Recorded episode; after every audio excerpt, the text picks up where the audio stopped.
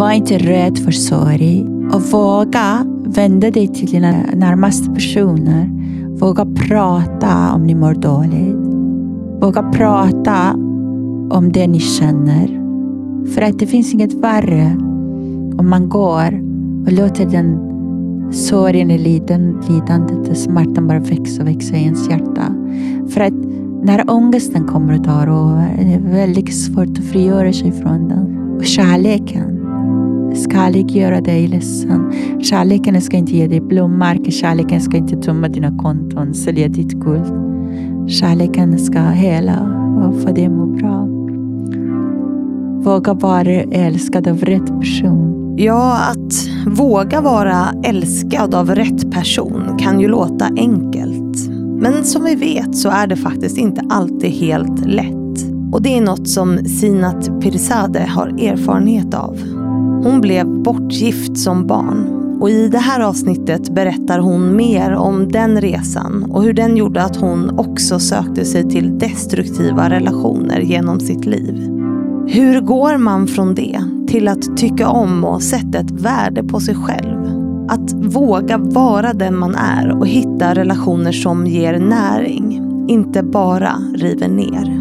Det är något som vi pratar om i det här avsnittet. Men Sinat är ju också komiker och har hittat ett sätt att skämta om allt det där mörka.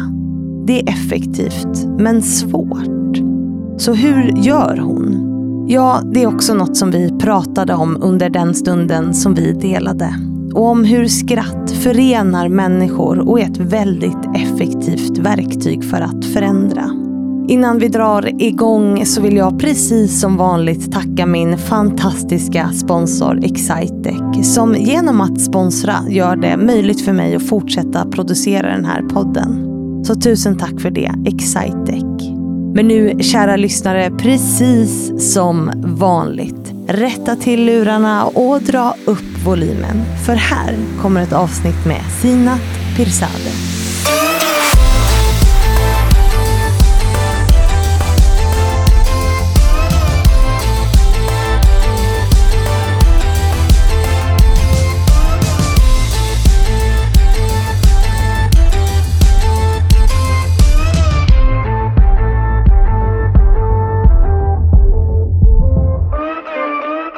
Varmt välkommen hit, Sinat Pirzadeh. Tack så mycket Fanny. Jag har alltid varit nyfiken på dig. Jag måste snart bjuda dig till min podd.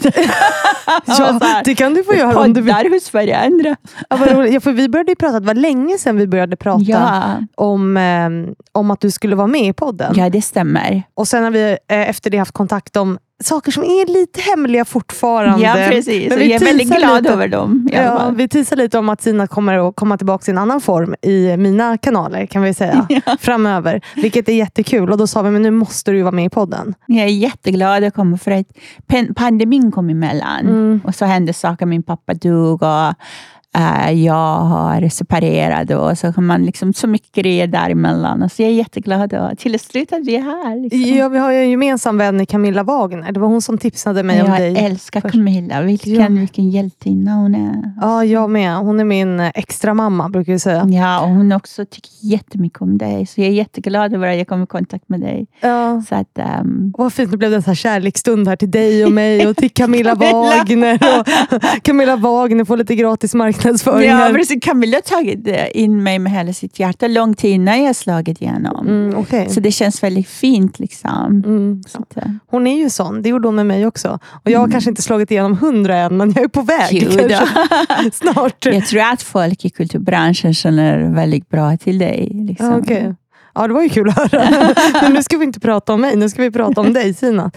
Och vad, säger jag rätt? Sinat Pirzadeh? Jo då. Uttalar jag det rätt då? Zinat Pirzadeh. Pirzadeh. Ja. Det lät verkligen iranier. Jo, Säkert det... du är inte iranier. jag är inte det. Sina iranier. Nej, jag är inte det. Men, men det lät helt perfekt. Jag kanske är lite musikalisk och lätt och... Ja. och du har gehör. Ja, ja, det är typ, jag kommer från en musikalisk familj förstår du. Så det, det låter där. väldigt besvärligt. Alla spelar instrument och det finns ingen lugnstur eller? Äh, nej, jag är uppväxt med så klassisk musik på alla ah, teatrar i Sverige. Och jag har skådespelarbakgrund. Vet du. Ah. Eller jag, jag är inte skådespelare men båda mina föräldrar är det. Ja. Mm. Men alltså, det är ju fantastiskt. Mm. Men jag tänker på mina barn som håller på att lära sig instrument. Och jag sitter där och när jag lyssnar när de håller på att träna upp fiol och sånt. Jag bara tänker, jag älskar mina barn. Men jag tror jag är en ganska dålig mamma för jag struntar ut med det här. vad, spelar de, vad spelar de för instrument? De är ändå väldigt duktiga. Ja. Fiol. Mm. Oj, fiol också. Det är väl det alltså- värsta när de börjar ska Alltså jag bara, jag bara oh, I love you my kid. Wow. Jag älskar dig men snälla håll käften. Alltså, nej, men det är liksom, jag är lite ljudkänslig. Jag vet Mm. inte. Du kanske har en sån här högkänslig personlighet, jag vet inte. Ja, jag tror det. Um, jag har inte utrett mig ordentligt ännu. Det går Alla också, har vi någon diagnos. ja, precis, det går också att utreda allt och eh, jag tänker att så länge man är nöjd med den man är så spelar det ingen roll. Ja, så nöjd man inte liksom gör andra ledsna. Och Mm. Jag tycker det viktigaste, förutom att man själv ska acceptera sig själv som man är och uh, försöka bli bättre människa varje dag, Mm. så ska man också tänka på sina medmänniskor. Och Mm. Jag har liksom varit lite högfärdig i att jag är en snäll person, men ibland när man har sårat folk utan att veta om det. Liksom. Mm. Kan du komma ihåg någon sån situation när du har gjort det? Jag menar, det här är jättemärkligt för att jag nyligen, jag fick ett jättekonstigt sms bara igår Mm. av en tjej som verkligen jag tycker om. Jag har träffat henne nyligen. Eh, Vi var modeller för Peter Englunds fantastiska tioårsjubileum för eh, Peter Englunds Epics Production. Och jag var en av modellerna, en sån här gammal modell, liksom, antikmodeller. Semi-antikmodeller. Men du är inte så gammal. men det var ändå väldigt roligt att jobba som modell. Men det var hundra år sedan jag jobbade som modell. Men eh, jag gör lite modelljobb då och då. då. Men eh, då träffade jag den här fantastiska tjejen. Hon kom till min föreställning. Och jag bjöd med henne till mina vänner när vi satt och jag blev väldigt glad att hon kom.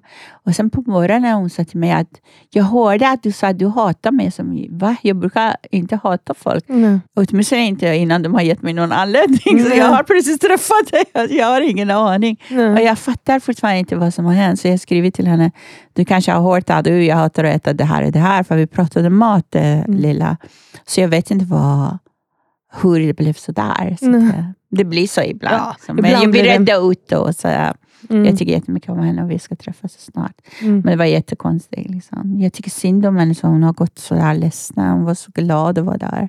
Mm. Så man måste verkligen vara omsint med sina medmänniskor. Ja, det där samtidigt- pratar du mycket om att vara snäll, liksom, eller hur? Ja, det är viktigt. Det är Mm. viktigast, det enda viktiga egentligen. Jag tycker att snälla människor överlag är, gör bra grejer. Vara snäll är en viktig egenskap. Viktigaste. Mm. Men Sina, alltså jag vet knappt var jag ska börja med dig någonstans. Börja, börja vill. Nej, Nej, men alltså, det finns så mycket jag vill eh, prata med dig om, såklart. Eh, Du är ju, eh, det som man, när man söker på dig så är det så här, Sveriges roligaste invandrarkvinna. Kommer upp då. Hur känns det epitetet? Men ja, jag tycker i början hette så, men jag brukar säga att när de presenterar mig så, så jag brukar säga ja, men ändå jag har vandrat klart, nu är jag här. Jag har vandrat klart. Ja. Nu är jag här. Mm. Men hur länge har det varit här? Det har gått, jag har varit mer i Sverige än i andra länder. Mm. Så jag har varit där sedan 90-talet. Mm. Du var lite runt 20 va, när du kom Ja, till Sverige. precis. precis. Flydde hit med din första son. Förstfödda. Vad har du? Tre barn va? Jag har tre Ja, barn. Jag två. kanske har fler, jag turnerar så mycket. Jag vet inte. Officiellt har jag tre barn. Ja. Fast jag tror, Jag ska vara som såna här gamla hjärndöd manliga artister som när de gick bort det kom nio barn plötsligt. Ja, men det där är ju lite svårare när man är kvinna. Jag Eftersom man vet, liksom jag plopp- brukar skoja om det. Eftersom man liksom ploppar ut dem själv på något sätt. Det är svårt att, att missa. Men du har Ja. två söner och en dotter. Dotter, och jag är väldigt, väldigt glad att jag fick en dotter. Det var Mm. min högsta dröm sen jag varit barn själv. Liksom. Mm, mm.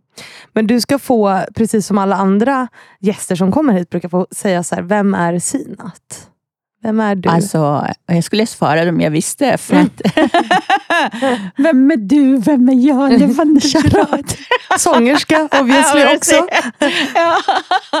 Nej, jag tycker liksom att en människa är liksom ingen konstant. Vi förändras Mm. i våra möten, i, i saker som drabbar oss, saker som berikar oss, saker vi har i våra liv. Mm. Och vi förändras eh, i mötet ganska mycket med varandra. Mm. Hur vi blir bemötta. I grund och botten jag är en väldigt enkel tjej. Mm.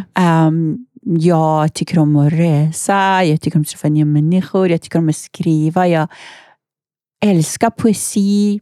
Jag kan sträckt titta på en massa filmer och gråta blod. Och jag, Ah. Jag kan vara väldigt pinsam och tycka att det är helt okej. Min Mm. dotter var jätterolig häromdagen när min uh, mellersta barn, min pojke, tyckte att mamma är ganska bra göra. Mamma Mm. var bara ganska pinsam. Så sa hon väldigt dräpande. Ja, vår mamma försörjer oss med sina pinsamheter. Har du inte fattat det? Min mamma försöker... Ja, det, sina pinsamheter som komiker. Liksom, man bara hänger ut. För att till skillnad från politiker som eh, um, brukar gömma sina skelett i garderoben, vi komiker vi uh, dansar med dem på scenen och bjuder på dem och Mm. skrattar åt eländet. Och så. Jag gör komedi på det som gör allra mest ont också. Mm. Alltså, jag tycker jag känner mig väldigt tacksam över det, att jag har den förmågan att inte springa ifrån eh, vardagens svårigheter. Och det, jag älskar också vardagsmagin. mm. Jag är bara en enkel tjej, tycker om att äta god mat, träffa vänner och, och tycker om att gå på fester och tycker om färgglada kläder och lite glitter. Och om jag var fågel, jag skulle vara skata. Mm. Om varför just en skata? ja, de älskar, de älskar glittriga grejer. De brukar sno dem och stoppa i sin bo. Ja. Okej. Har- jag har en massa mina underbara hbtq plus-vänner. Eh, De som kör, kör lite drag, så som de brukar säga till mig. Det är väldigt konstigt, du är enda kvinnliga dragqueen vi känner. Enda kvinnliga dragqueen. enda kvinna som är dragqueen. Liksom. Mm. Hur känns det? Det känns väldigt smickrande. Jag tycker de är så jävla vackra. Mm, ja, de är ju det. Ja, god ja. Tänk om man kunde De sminka goddess. sig så. De är goddess allihopa. Fontana, liksom alla, alla de här briljanta människor. Ja. Men du är, du är väl mest känd som komiker, eller hur? Ja, det är jag faktiskt. Ja. Men eh, jag jobbar jättemycket med många böcker. Jag har skrivit flera romaner nu. Jag Mm. skriver parallellt flera romaner. Mm. För jag är en person som blir uttråkad. Ja. Så jag måste liksom pendla mellan en rolig bok och en allvarlig bok och en Mm. lite sån där eh, annan bok. Så Ja.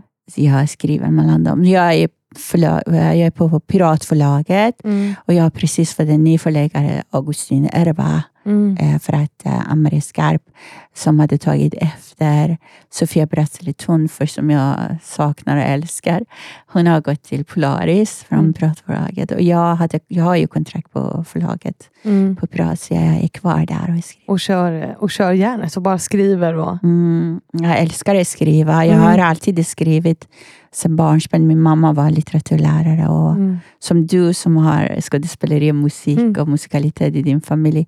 Vi har haft ordens kraft eh, Mm. i vår familj. Mm. Jag älskar också att skriva. Jag tycker det är fantastiskt. Det är fantastiskt. Eh, Men det är också svårt att skriva böcker, eh, tycker jag. Det här är speciellt när man har myror i brallan som jag har. Liksom. Mm.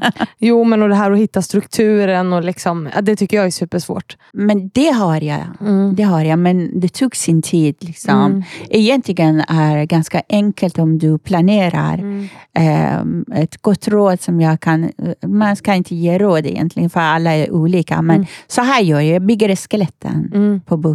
Mm. Jag väljer vad jag vill berätta. Jag väljer tidintervallet. Mm. Och sen säger jag det här är typ, ska vara, handla om tio år. Mm. Sen skriver jag ehm, hur många kapitel ska det vara.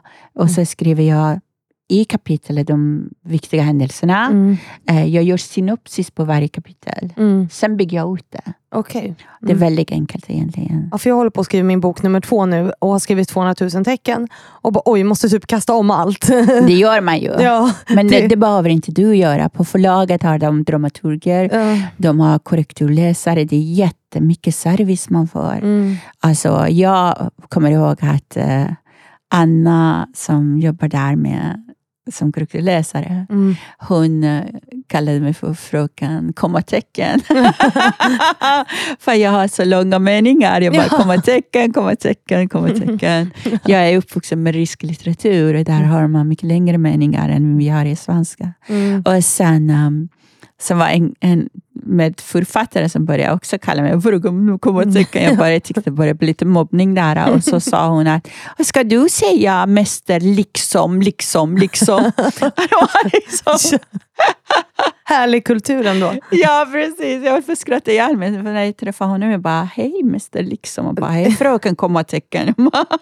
Det gäller att kunna ha lite distans till sig själv. Mm. Men det finns ju eh, mycket med dig ur ett liksom, jämställdhetsperspektiv som är väldigt eh, intressant. Ja. Eh, jag tänker något som, för här har vi ju pratat en del om mäns våld mot kvinnor i den här podden. Jag har haft flera avsnitt om det. Jag har ju också en, en ja, gala. jag vet. Jag blev, en av anledningarna att jag blev väldigt glad att komma Mm. hit just det. Ja. Jag tycker att du, du brinner för mänskligheten. Mm. Många säger att vi brinner för kvinnor, men herregud, vi är också en del av mänskligheten. Liksom. Det, här är, det är självklarhet att alla ska ha lika mycket värde. Ja, och det, och det där är ju superviktigt. Det, det är något jag tror man lär sig ju mer man pratar om. Som för mig började det med jämställdhet, men sen blir det ju någonting mer. Så när du lär Ja. dig om en sak så är det svårt att blunda för nästa sak. det är Ja, något jag såklart, såklart. försöker prata väldigt mycket om. Ja, Men du, du är ju från Iran Ja. eh, och blev ju bortgift som, som barn. det stämmer. Eh, och Det här är någonting som vi inte har tagit upp i podden innan, Mm. som ju är en otroligt viktig jämställdhetsfråga. Ja, För det är ju det. flickor man gifter bort, det är ju inte pojkar, eller hur? Det, det händer också Mm. att pojkarna blir också bortgifta, men inte i samma utsträckning. Ehm, flickor eh, också i Sverige blir bortgifta. Mm. Och eh, jag som studievägledare på Rinkebyskolan har blivit varse om att många av mina elever försvinner på somrar. Mm. Och det var en otrolig väckarklocka för mig, för jag trodde aldrig att det som drabbade mig skulle pågå här i Sveariket. Nej. Är du fortfarande yrkesvägledare i Rinkeby? Mm, eller? Ja, men inte i Rinkebyskolan. Jag Nej. jobbar som, eh, vi- via mitt eget bolag, så Mm. vem som helst kan egentligen anlita mig för vägledning och så. Ehm, och ehm, det var, jag drog igång ett jättestort um, stort projekt om att stoppa barnäktenskap i Sverige. Mm. Jag träffade Jens Orback som var på den tiden integrationsministern. Mm. Och han eh, påbörjade ett arbete som han kallade för läxsinat.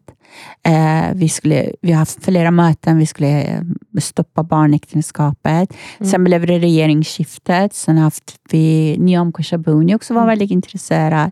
Så den här kampen jag bedrivit var väldigt, väldigt lång. Mm. Och sen närmare 15-16 år kämpade vi.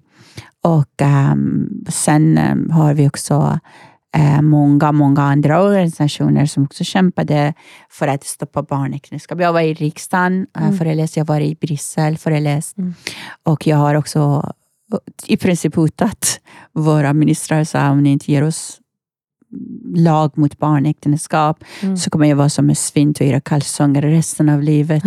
På riktigt, och jag menade det. Mm. Det blev lite skriverier kring det. Och, så. och sen fick vi lag 2014, men den är väldigt tandlös. Den uppdaterade 2019. Mm. Hittills väldigt få tjejer har fått hjälp av lagen. Mm. Men eh, att det finns en lag gör ändå lite skillnad. Men eh, vi måste gå, vi måste våga och gå till roten av problematiken. Hur Men gammal var du när du blev bortgift? 16. Jag ska Mm. fylla I 16. Iran? Då. Ja. Jag var ändå, jag satt på Glasberget. Många hade blivit bortgifta mycket tidigare. Så Och 16 hur, var... hur var det? Alltså, för det är så himla svårt då. Det är väldigt svårt. Men tänk dig så här. Att du blir bortgift med din våldtäktsman. För han tycker att han har rätt till dig. Mm. Och du känner att du vill inte vara här. Nej. Så det är fruktansvärt. Du blev av med oskulden dessutom antar jag med. I, och med äktenskapet. Nej, men Mm. jag vägrade. Jag slogs som en markatta. Så det blev väldigt mycket förnedrande för att de tog mig till flera läkare för att kolla om jag är oskuld. De trodde jag slogs för att jag var inte oskuld. Mm. Men så visade det sig att jag är oskuld.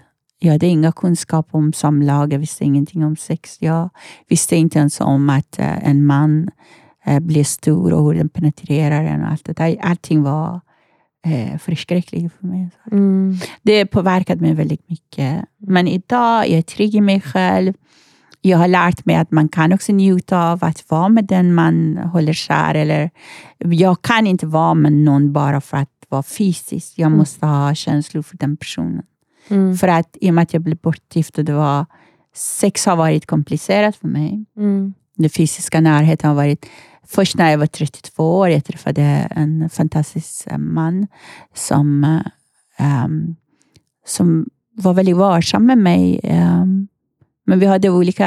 Han hade judiskt på, påbrå och jag muslim, så det var väldigt svårt att vi skulle bygga något ihop. Men han kommer för att bli en väldigt viktig del av mitt liv. Vi är fortfarande vänner. Liksom. Mm. Det är jättegulligt.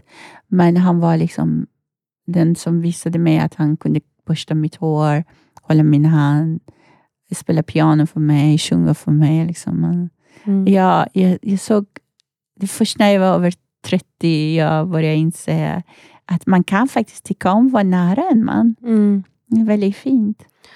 Ja, det måste ha varit eh, jättehemskt. Alltså en hemsk situation att, att vara i. Hur länge var du i den? Alltså, länge- Flera år. Mm. Men jag är väldigt tacksam över min son. Det Mm. finns ett Är det med honom? Med din, han som du var bortgift med? Ja, du, min äldsta son, Mm. han, min begåvade, fantastiska Arman Mirpur.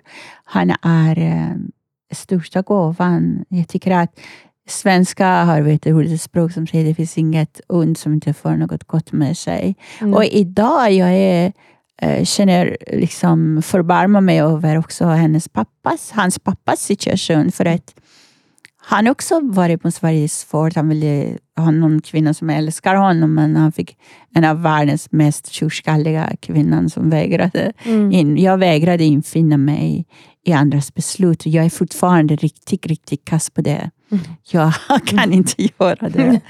Så jag har alltid levt mitt eget liv och Mm. eh, jag tycker det här är mitt liv. Så Mm. att jag har gjort mina misstag och jag har betalat ett väldigt högt pris för att jag vill vara den jag är. Mm.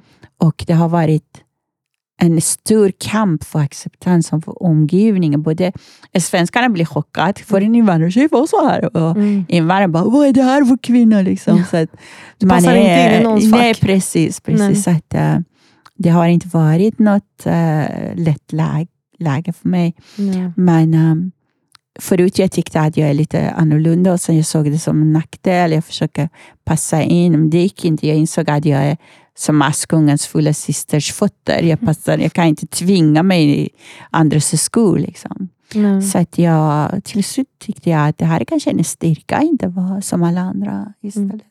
Att våga vara lite annorlunda på något sätt. Ja, Det är jättefint. kanske de andra som är annorlunda. Mm. Alla kanske bara borde vara som dig istället. ja, Eller hur? Du, Tänk vad mycket roligare världen hade varit då. Eller hur? Ja, verkligen. Men var det honom du flydde ifrån när du flydde till Sverige? Med din son? Ja, det var liksom det var en uh, ofelbart. Han var krigsskadad. I kriget de tvingade många unga män ta droger för att våga springa på minfält och skjuta folk och döda. Och han var så skadad. Idag jag känner sorg för honom. Mm. Om man tittar på Arma, man ser att han såg bra ut och sådana grejer. Han kom från en fin familj. Men, eh, men det har varit, vi hade inget gemensamt. Liksom. Och, och jag, jag var förälskad i grannpojken Hussein. Liksom. Ja. Så det var väldigt svårt att bli tvingad till någon annan. Mm. Och det var så hemskt för att sen var jag gravid med min son. Jag träffade Hussein som jag var så kär i. Och han spottade på mig. Framför mig. Spottade, kallade mig för saker för jag hade typ gifte mig med någon annan och såna grejer. Och det Mm. var så hemskt. Mm. Så stod jag där höggravid med en man jag inte ville ha och den jag älskade typ spottar framför mig, kallar mig för saker. Mm. Så jag blev också glad att jag inte gifte mig med honom. Jag bara, låter inte heller som en särskilt trevlig person. Ja, men han, han var så rädd för jag bara försvann. Ja. Och så kom jag, med, kom jag ihåg gravid och Mm. går framför honom. Mm. Och vi som hade valt namnet till våra barn. Och vi skrev så mycket brev till varandra. Ja, vad Det var fint. så gulligt. Ja, det var gulligt. Ja, och han spelade in I och med att tjejerna är så begränsade, jag kunde inte gå på dejt med honom. Nej. Så han spelade in i så gamla kassettband, långa, långa meddelanden. Och sen vi tog en promenad en dag, men eh, han gick på ena sidan gatan och jag gick på andra sidan gatan. Så vi försökte Mm. Ta stegen samtidigt. Väldigt romantiskt faktiskt, när jag tänker. Romantiskt. Romantik i Iran på något sätt. Romantik, Ira. Förlåt, romantik under burkan. Ja, precis. Har du haft eh, burka och så innan eller? Det har jag också Mm. haft. Du hade det när du var Alltså, yngre? Ja, Mm. jag tycker liksom att ibl- ibland måste man medge det här är så hemskt. Ibland jag saknar det. det är, man kan vara verkligen stänga ut världen om man behöver Mm. vara för sig själv. Liksom. Mm. Um, den har både, allt har både nackdelar och fördelar. Liksom. Mm. Om man tänker på det perspektivet, det kvinnoförtryck, då blir det genast liksom fruktansvärt. Mm. Men, eh, men vissa gånger när man försöker vara anonym och sådär, det är det Mm. ganska skönt att vara anonym. Liksom. Ja, det blir en sån här låt mig vara-symbol Ja, på något precis. sätt. Mm. precis. Eh, Jag har faktiskt haft den eh, under tiderna när jag var utvisningshotad i Sverige. Mm. Det är därför polisen ni har inte hittat mig, så ni vet. Nu är det out there i Fannys förebilder. nu, har jag, nu avslöjas det här. Men Ja, precis. nu är det för sent, nu är jag svenskmedborgare. Ja, precis, nu kan inte ta mig. Men gud vad kan hemskt. inte ta mig. Det här, tycker jag, det, här, det här tycker jag är så roligt med dig. Eh, och någonting som, som jag också vill prata mer om. Och jag vill komma tillbaka till det här med destruktiva relationer och sådär. Men, men det som är roligt med dig det är ju att du hittar det roliga i, i, i allt. Och du är ju komiker. Ja. Eh, och liksom effekten av det, alltså såhär, ni kan inte ta mig. så här, när man utrot, alltså Nej, jag har varit fyra och ett halvt år i total misär med ett litet barn. Vet, min son, Ja, precis, och så, bara, så kan du skämta om det. Alltså, ja, men det, är ju, alltså, det, är ju, och det är ju befriande på något sätt. Eh, jag vet du berättade en historia, eh, om, var det i ditt vinterprat tror jag, när du eh, mötte några rasister på väg Ja, ja, ja. hemifrån. Du ska, Han var så jävla snygg. jag kan inte berätta den historien Ja. för de som inte har hört Det den. här är liksom helt sjukt för att uh, ibland när jag uppträder så står folk som eh, står där ute och vi vill inte ha det här, åk hem och sådana grejer. Som Mm. lite slagord om att vi vill, alltså, de gillar inte invandrare helt enkelt.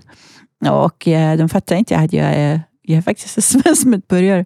Men uh, sen stod det en, eh, tre killar som väntade på mig. Och, Du var på eh, väg hem från ett gig va? Ja, precis. Jag var på väg till hotellrummet, det var inte i Stockholm. Och uh, sen jag kommer ut och under en lykta, det var, klockan var jättemycket för jag var headliner och det var en krog, det var typ nästan halv ett nästan. Det var väldigt sent var det. Jag minns inte klockeslagen, men det var väldigt sent. När jag kommer ut och så står tre män som skriker på mig under, de står under en lykta och, och sen, han i mitten var så skitsnygg. Han var så Så när de står och skriker dra hem härifrån, du bara, oj vad snygg han är. Ja, precis. Jag visste inte om jag skulle hångla upp honom eller slå ner honom. Han var så jävla,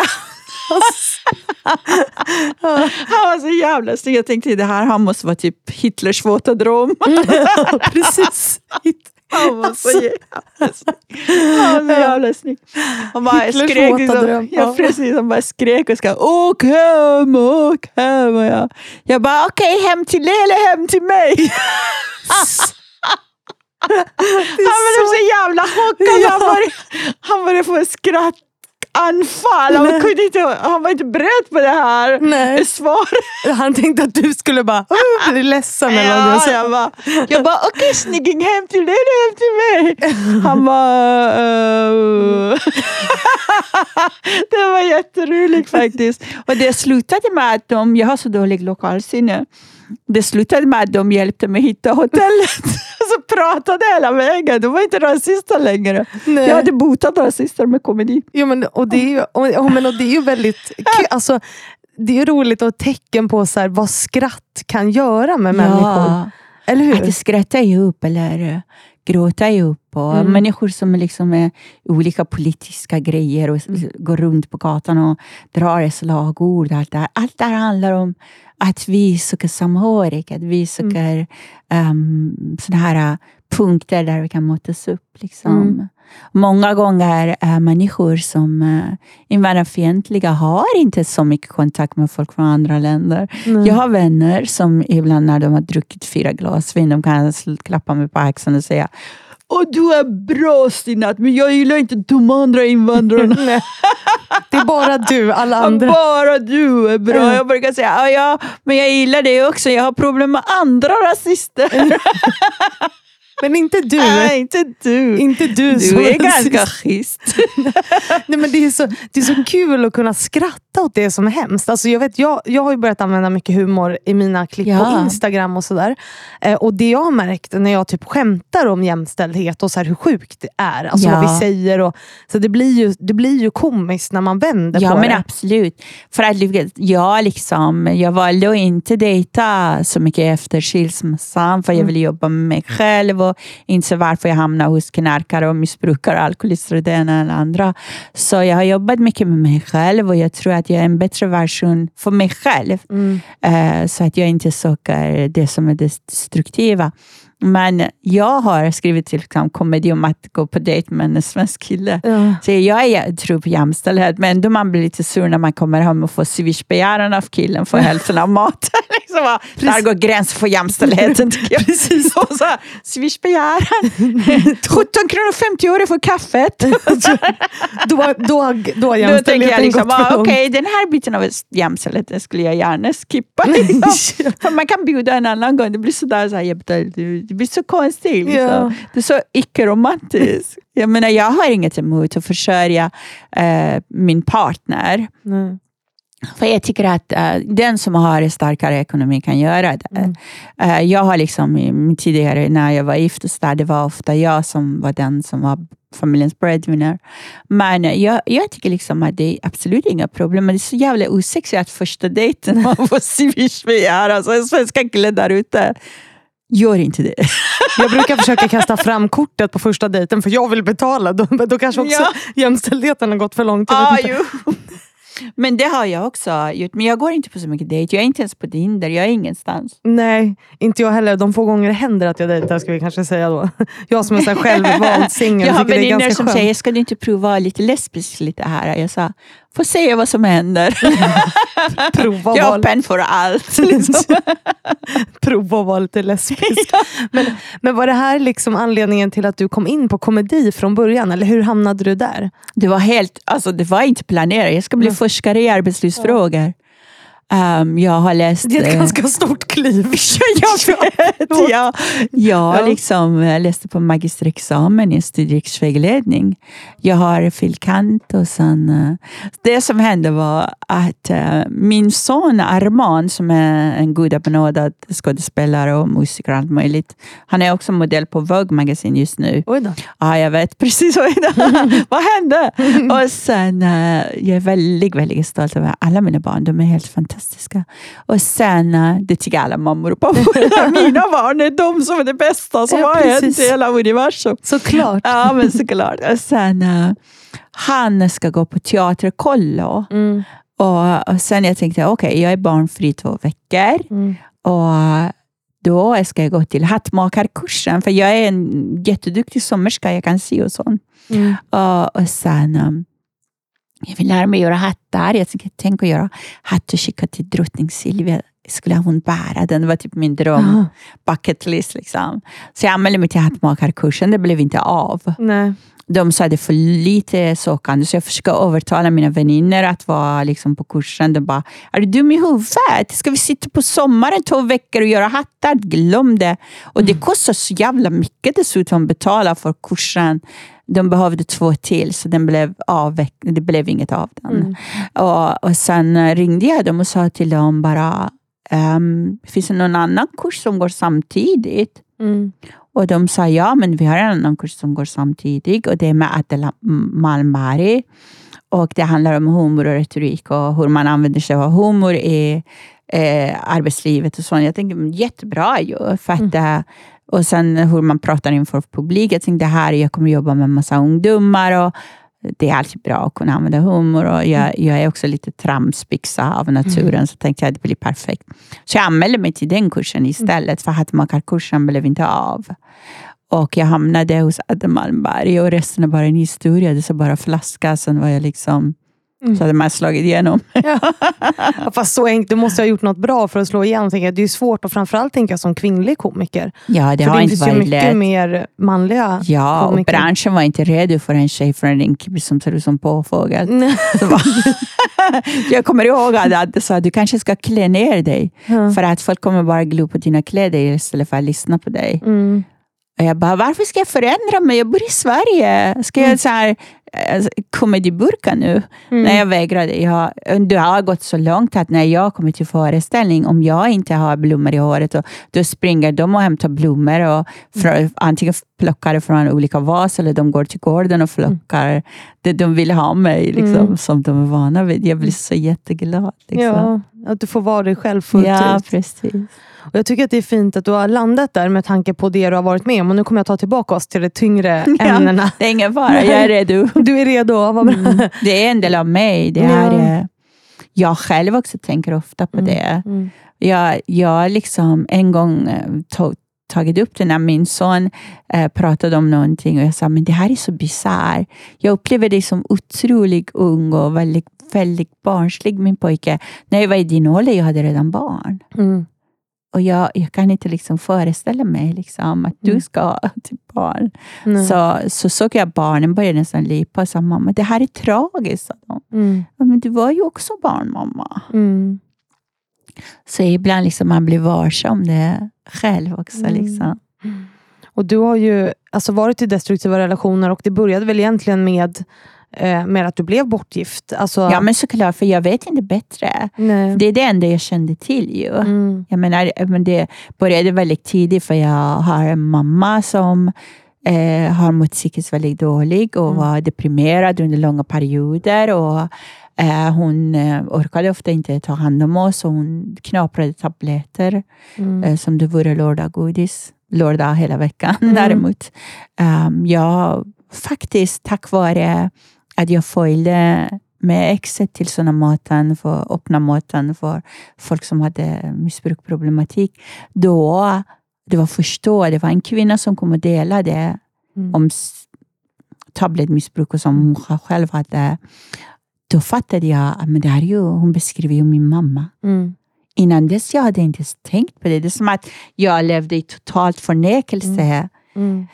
Sen insåg jag, men herregud, Iran-kvinnorna kan inte söka hjälp om de lider av psykisk ohälsa många gånger för att det, blir, det är så tabubelagt. Mm. liksom. Så jag fick växa upp med mamma som mådde väldigt, väldigt dålig. Mm. Hon saknade verktyg. Hon saknade vård och eh, hon misshandlade oss väldigt grovt. Eh, att bli agad, det var vardagsmat. Och barnen mådde dåligt. Det var lite som flugornas herre fast i vår, vårt hus. Liksom. Mm. Samtidigt pappa var väldigt hyllad brottare. Han var runt hela världen. Han var i München 1972. Han var i Montreal. Han var i Ryssland. Han kallades för Vita björnen. När han gick bort i Sverige, till och med i Iran, det var stora såna här sorgedagar för honom. Till och med idrottsministern har varit där och hedrat honom. Mm. Så det var, han var väldigt känd och väldigt stor. Men jag tänker just det här också, att bli bortgift. Och då liksom känslan av att inte äga sin egen kropp på något Ja, sätt. För det gud, måste ja. ju vara det som var känslan. Alltså hur har det påverkat dig? Det påverkat mig jättemycket. Mm. Jag har inte kunnat eh, under långa perioder innan jag träffade den här fantastiska judiska mannen som jag fortfarande alltid kommer att hålla kär. Jag hade ingen kontakt med min kropp. Jag var inte ens min kropp. Liksom. Jag, det kändes som jag hade flyttat ut för att överleva. Liksom. Mm. Um, jag har haft långa perioder där jag har inte haft några fysisk närhet överhuvudtaget. Jag har inga problem med det. Liksom. Mm. Jag har vänner som säger nej men sex är som mat, men jag har inte den, den, den liksom kopplingen till sexualitet. Nej. Men jag har också så jag har gjort en massa tatueringar på min kropp. Mm. Eh, på hela min kropp. Liksom. Mm. Det är som att jag håller på att skriva, skriva kroppen till mig själv. Mm. Att, eh, Det blev ett sätt för dig att liksom ta över din egen kropp igen och börja tatuera dig. precis, precis. Det var som att nu skriver jag in att det här är min. Um, och jag är liksom väldigt specifik och den person jag ska ha i mitt liv, den person jag ska ha fysisk närhet med, det är den jag verkligen utrår. Mm. Jag, jag vill inte ha någon ja, man blev väldigt besviken när man lever i en relation och mannen är otrogen och liksom man upptäcker det på ett väldigt, väldigt otäckt sätt. Liksom. Mm. Så att det har också påverkat mig, för jag har jobbat så mycket. Jag har jobbat så mycket och belöningen blev att mannen bara sa att eh, och du var inte hemma, liksom. du tillfredsställde inte mig. Det är som att och jag blev väldigt, väldigt sårad. Mm. Men alla har vi to dance tango. Jag har också säkert gjort en massa fel och jag har säkert också förbisett hans behov och allt det där. Men ehm, det har gjort mig, liksom, som kvinna, man blir ganska på något vis eh, man tappar ganska mycket självförtroende. Mm. Även om på Instagram, Facebook, jag får typ hundratals meddelanden varje dag Mm. Av folk som tycker att man är söt, man ser bra ut, man bla bla bla. Hyllar en, man ändå inte kan ta in det om man är bedrag, att eh, man blir bedragen. Mm. Det, det tär på en. Liksom. Men nu vet jag att eh, det handlade inte om mig. Eh, Det handlade om en person som bedrar eller inte kan stå för sina ord. Det handlar om den personen. Liksom. Mm. Det handlar inte... Jag menar, tit- titta på alla de här enastående kvinnorna. Jag menar, man tänker på Sandra Bullock, man tänker på alla kvinnorna som var i samma kläder. Så Mm. att, eh, det handlar inte om att man är inte vacker eller man är inte duktig eller såna grejer. Eller Hale Barry som Mm. älskade sin man så mycket. Eh, för- Vi är ganska många bedragna kvinnor. Mm, Ja, Så. men, du, men du har ju sökt dig till ganska destruktiva relationer, eller hur? Alltså genom att... jag var inte medveten om det förut. Nej. Jag har varit alltid sådär som ville typ äh, rädda personen, att vara och rädda den personen. Så det är klart. Och jag tror att sådana män sökte sig till mig också. Mm. För jag, det är först nu, det är första gången i mitt liv där jag är den som ska själv välja vem jag vill ha nära. Ofta var det den som sökte upp mig och envisades om att träffa mig. Jag, jag ville kanske se den personen. Jag trodde aldrig att jag har ett val. Att jag kan också välja den personen jag vill ha. Ja, det är Det tog så lång tid. Nej, det tog, ja, men, först, bra att jag fattade innan pensionen i alla fall.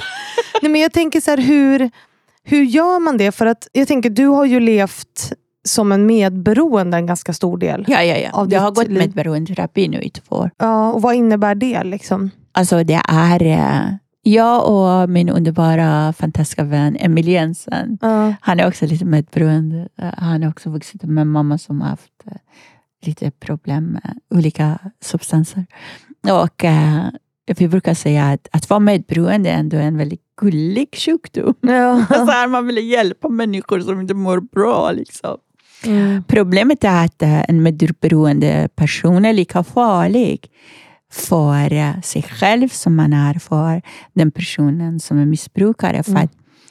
man hjälper inte den personen om du förser den med mer pengar för att gå och köpa grejer. För man vill göra den personen glad. Man glömmer bort hur man mår själv. Mm. Och Man sätter den personen i första rum och den personens enda glädje om den personen kan missbruka. Liksom. Mm. Det blir riktigt illa. Mm. Och En del av medberoende personlighet som du säger, det är ju att man liksom sätter andra människors behov framför sig, sig själv på något Ja. sätt. Och anpassar sig för att försöka att andra hela tiden ska ha det bra runt omkring sig. Ja, men det blir också väldigt svårt för att vad går gränsen mellan att vara en snäll person eller vara Mm. medberoende? Mm. Det är också en väldigt svår balansgång Mm. att veta var går gränsen. Mm. Man måste veta om din snällhet börjar kosta på Mm. att få dig att må dåligt. Mm. Om din snällhet börjar drabba dig, Mm. då är det medberoende. Liksom. Mm. Jag tänker att- den, den gränsen är svår att dra. Jag tror att det är ganska många kvinnor som kan känna sig igen, igen sig just det där. Alltså man kanske inte är medberoende, men just det draget. Att man Ja.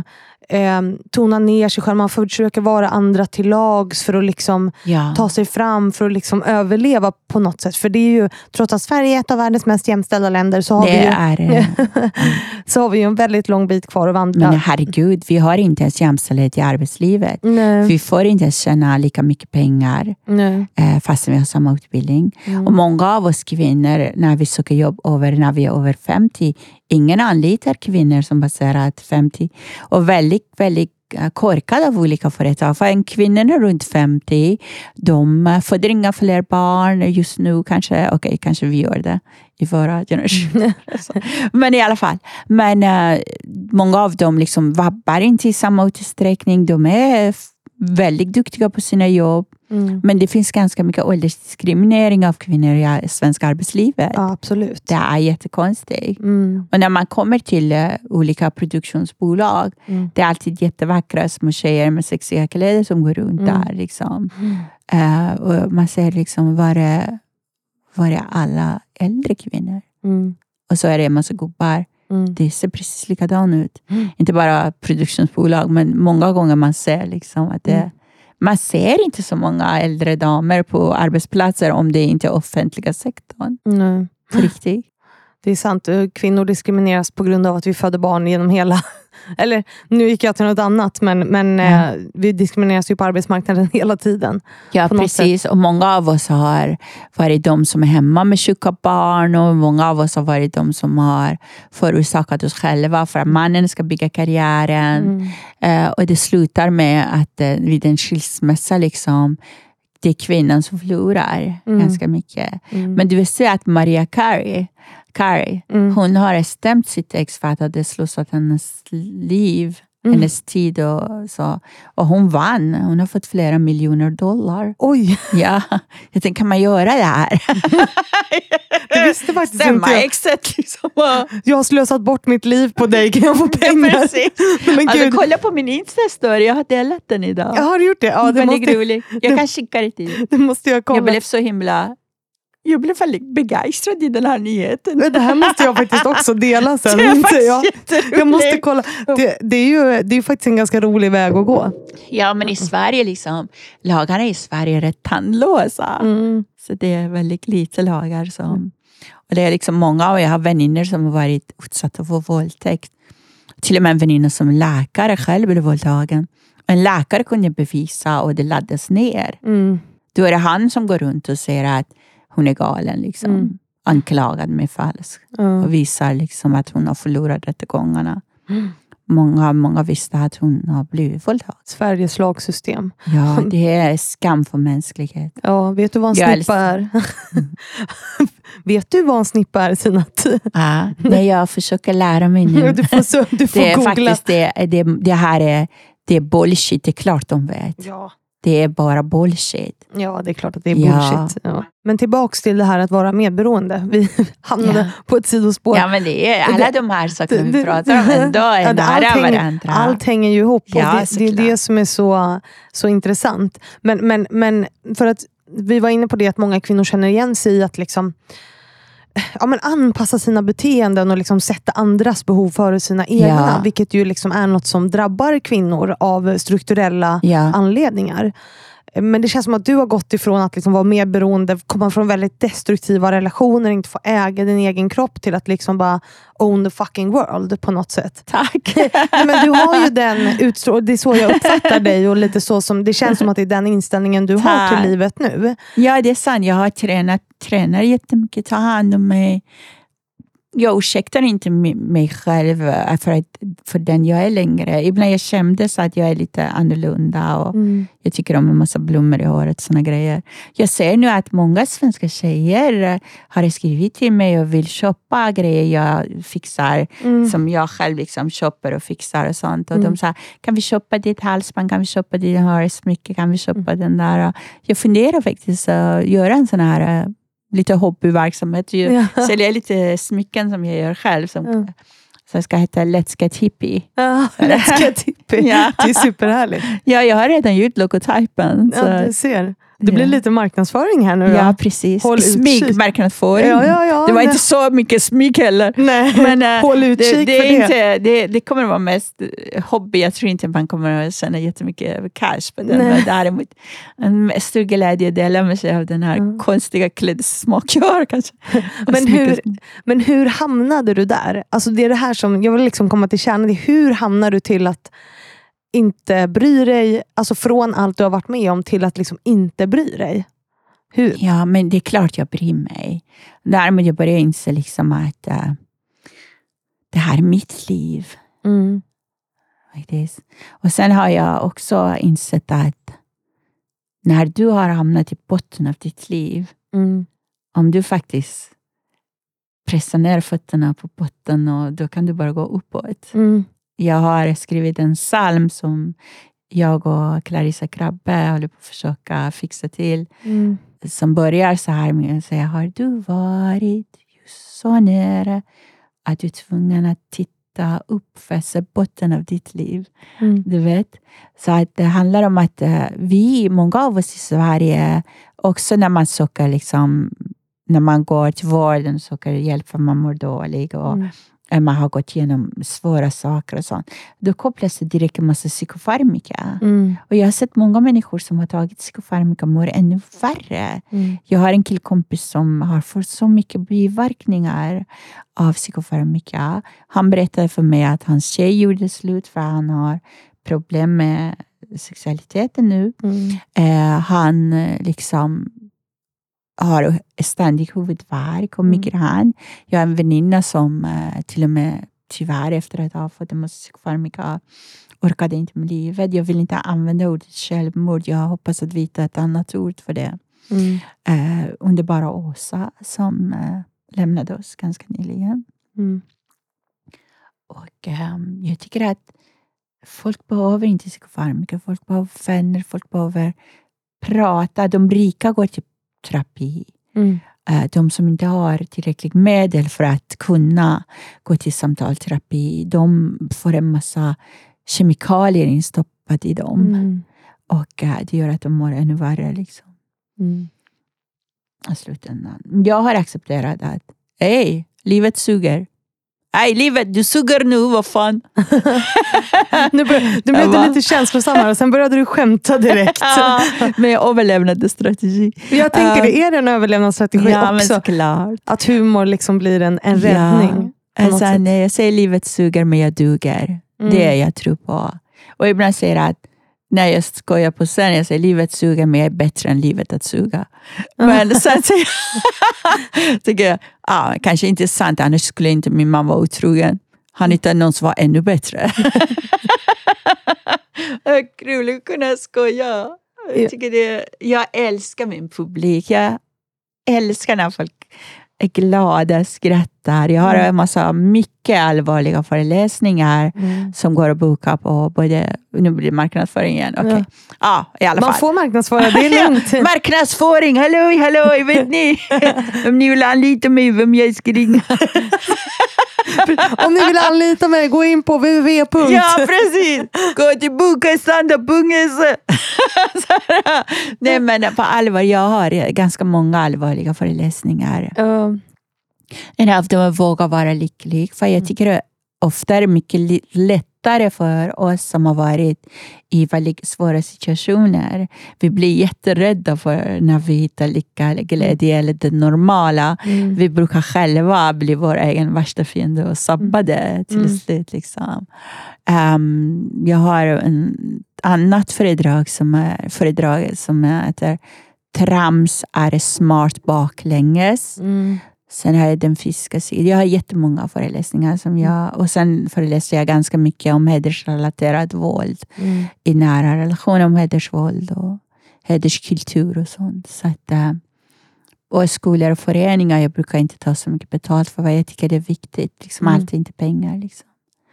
Att de får sådana föreläsningar. Vad gör man för att våga vara lycklig då? För jag tänker att det finns också en bild av lycka som är ganska ytlig Ja. och ganska kopplat till det materiella och liksom att Ja. så här, köp den här bilen eller den här lägenheten eller skaffa den här framgångsrika karriären så kommer du vara lycklig. Alltså mycket av det här självhjälpsgrejet eh, som vi läser om är ju just det. Ja. Så här, så här blir du hela tiden lite bättre. Ja. Medan jag tror ju på att man liksom ska säga, nej men jag är ju ganska bra som jag är.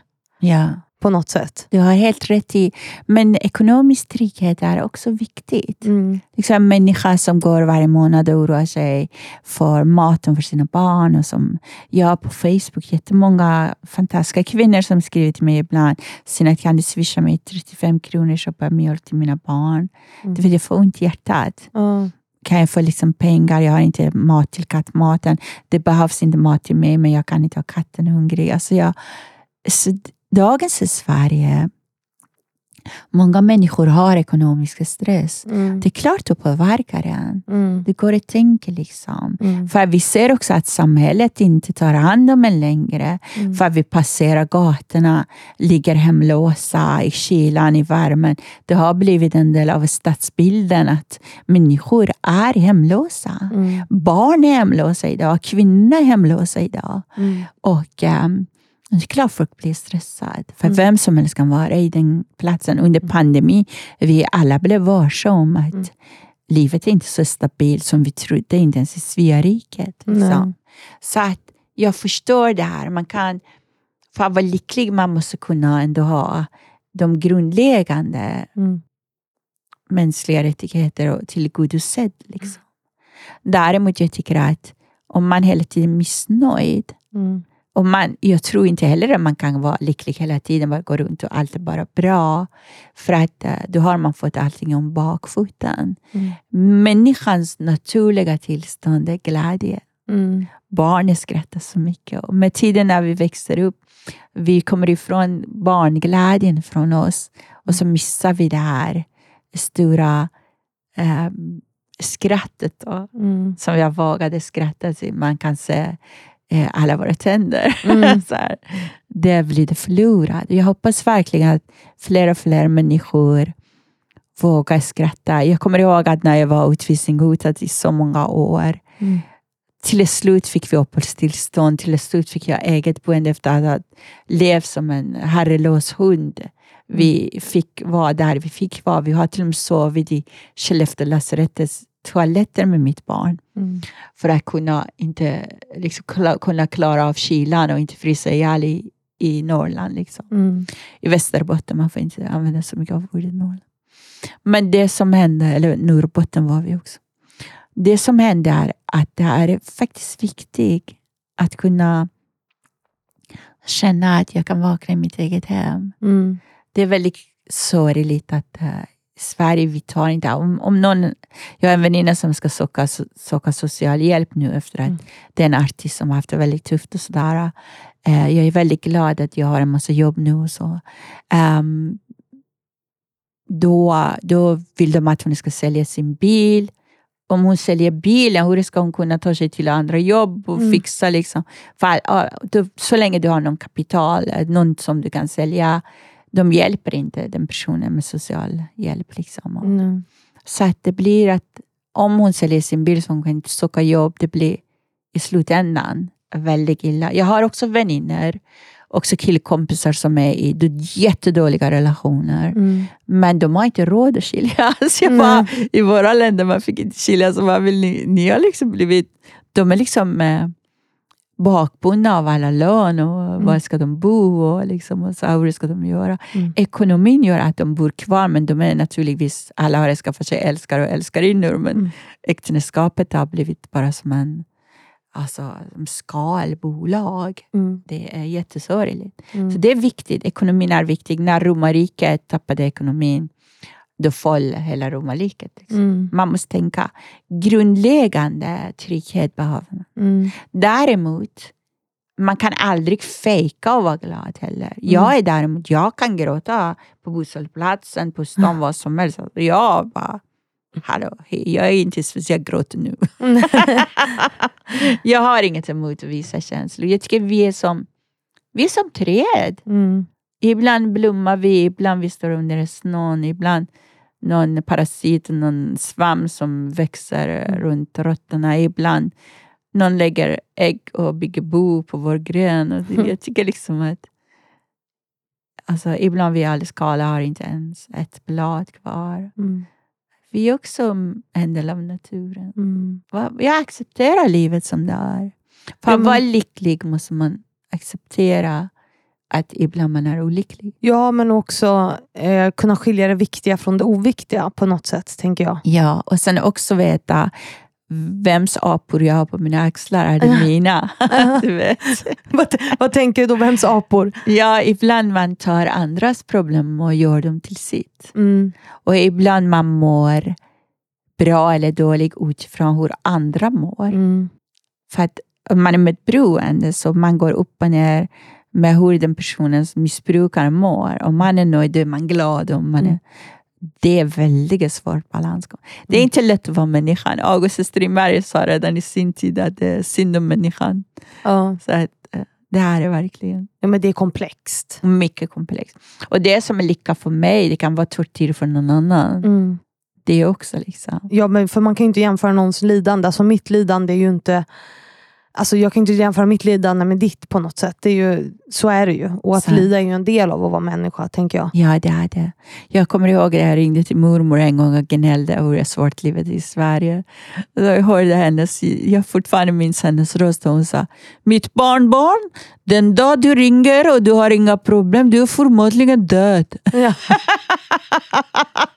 det, är för sig, det är för sig helt rätt. Den dagen som livet är, är helt smärtfritt, då är man, då är man död. Liksom. Ja, så man, det finns ingen människa som går runt och känner att jag har absolut ingenting som är problematiskt. Nej. Jag har en, en otroligt framgångsrik vän som är världsstjärna. Men ändå, ändå han har liksom, han är så empatisk och inkännande och liksom, har han familjemedlemmar som inte mår så jättebra så, så lider den personen extremt mycket. Mm. Utåt alla bara åh det är henne, han, hon. Liksom. Ja. Men eh, vi har alla våra kors att bära. Förut var jag lite fördomsfull. Ja. Jag typ tänkte, vad har svensken för problem? Rinnande vatten, inga krig på 200 Mm. år, jämställdhet, socialen, bla bla bla. Men allt eftersom tiden går, jag börjar bli mer och mer svensk. Jag tänkte, det här är så svårt. Ja. Man formas ju in i den omgivning man ja, är i. nej, men jag börjar känna att här har vi tid och Mm. känna efter hur vi mår. Mm. Du vet, ibland när man är liksom i krig och sånt, då är det något som drabbar det kollektivt. Liksom. Mm. Eh, kollektivkrig, för alla är drabbade. Mm. Kollektiv problematik. Men de här personliga saker som drabbar oss, eh, Mm. man är väldigt ensam i det. Mm. I Sverige är många ensamma. Mm. Jag blir livrädd när jag läser i tidningar att man har hittat en man som var död och satt i sin fåtölj i två år. Ja. Du vet, ingen invandrare kommer vara sittande i två, två år. Vi alltid ringer, vi går och knackar. Vi behöver inte boka tid hos varandra. Bara, Hej Habibi, är du hemma? Jag kommer. Mm. Har du inte mat? Fan, jag går och köper något. Så Det är en annan kultur. ja. Den har vi faktiskt i mitt hus där jag bor. Grann, grannsämja så att säga. Men du, och vi ska börja avrunda nu. Vi har spelat in i över en timme. My redan. God. Oh my god, tiden går fort när man har trevliga Ja, jag vet, jag kan samtal. prata ihjäl folk. Men jag får betalt också, fakturera. Precis. Precis. Men du, är det något du känner att vi har missat nu som du vill lyfta med dem som lyssnar? Ja, jag ville bara säga till kära lyssnare. Var inte rädd för sorg. Och våga vända dig till dina närmare, närmaste personer. Våga prata om ni mår dåligt. Våga prata om det ni känner. För att det finns inget värre om man går och låter den sorgen, liden, lidandet och smärtan bara växa och växa i ens hjärta. Mm. För att när ångesten kommer och tar över, det är väldigt svårt att frigöra sig från den. Jag kan säga att meditera 15 minuter om dagen. Jag börjar dagarna alltid med meditation. Ta promenader, sitt inte hemma. Gå ut även om bara balkongen Mm. och ehm, våga säga ifrån. Och kärleken ska aldrig göra dig ledsen. Kärleken ska inte ge dig blommor. Kärleken ska inte tömma dina konton, sälja ditt guld. Kärleken ska hela och få dig att må bra. Mm. Våga vara älskad av rätt person. Om du inte är i en relation, det är, jag har så mycket fina vänner. Mm. Du vet, det är så mycket kärlek runt om mig. Vi har så mycket kärlek att ge varandra. Ofta de människor som är ensamma, känner sig ensamma, det är de som har mest kärlek att ge för att de lider av att inte kunna dela den kärleken med den personen. Mm. Och många av oss är mycket mer i- kära i kärleken om den personen vi vill dela den känslan med. Mm. Våga vara olycklig och våga vara lycklig. Det är mitt råd. Mm. Då säger vi tusen tack för att du varit här Sinat och delat dina fina ord. Tack själv, det var en ära att komma hit. Och tusen tack till alla er som lyssnat på veckans avsnitt. Jag hoppas ni får en bra vecka och så hörs vi ju på onsdag igen, precis som vanligt.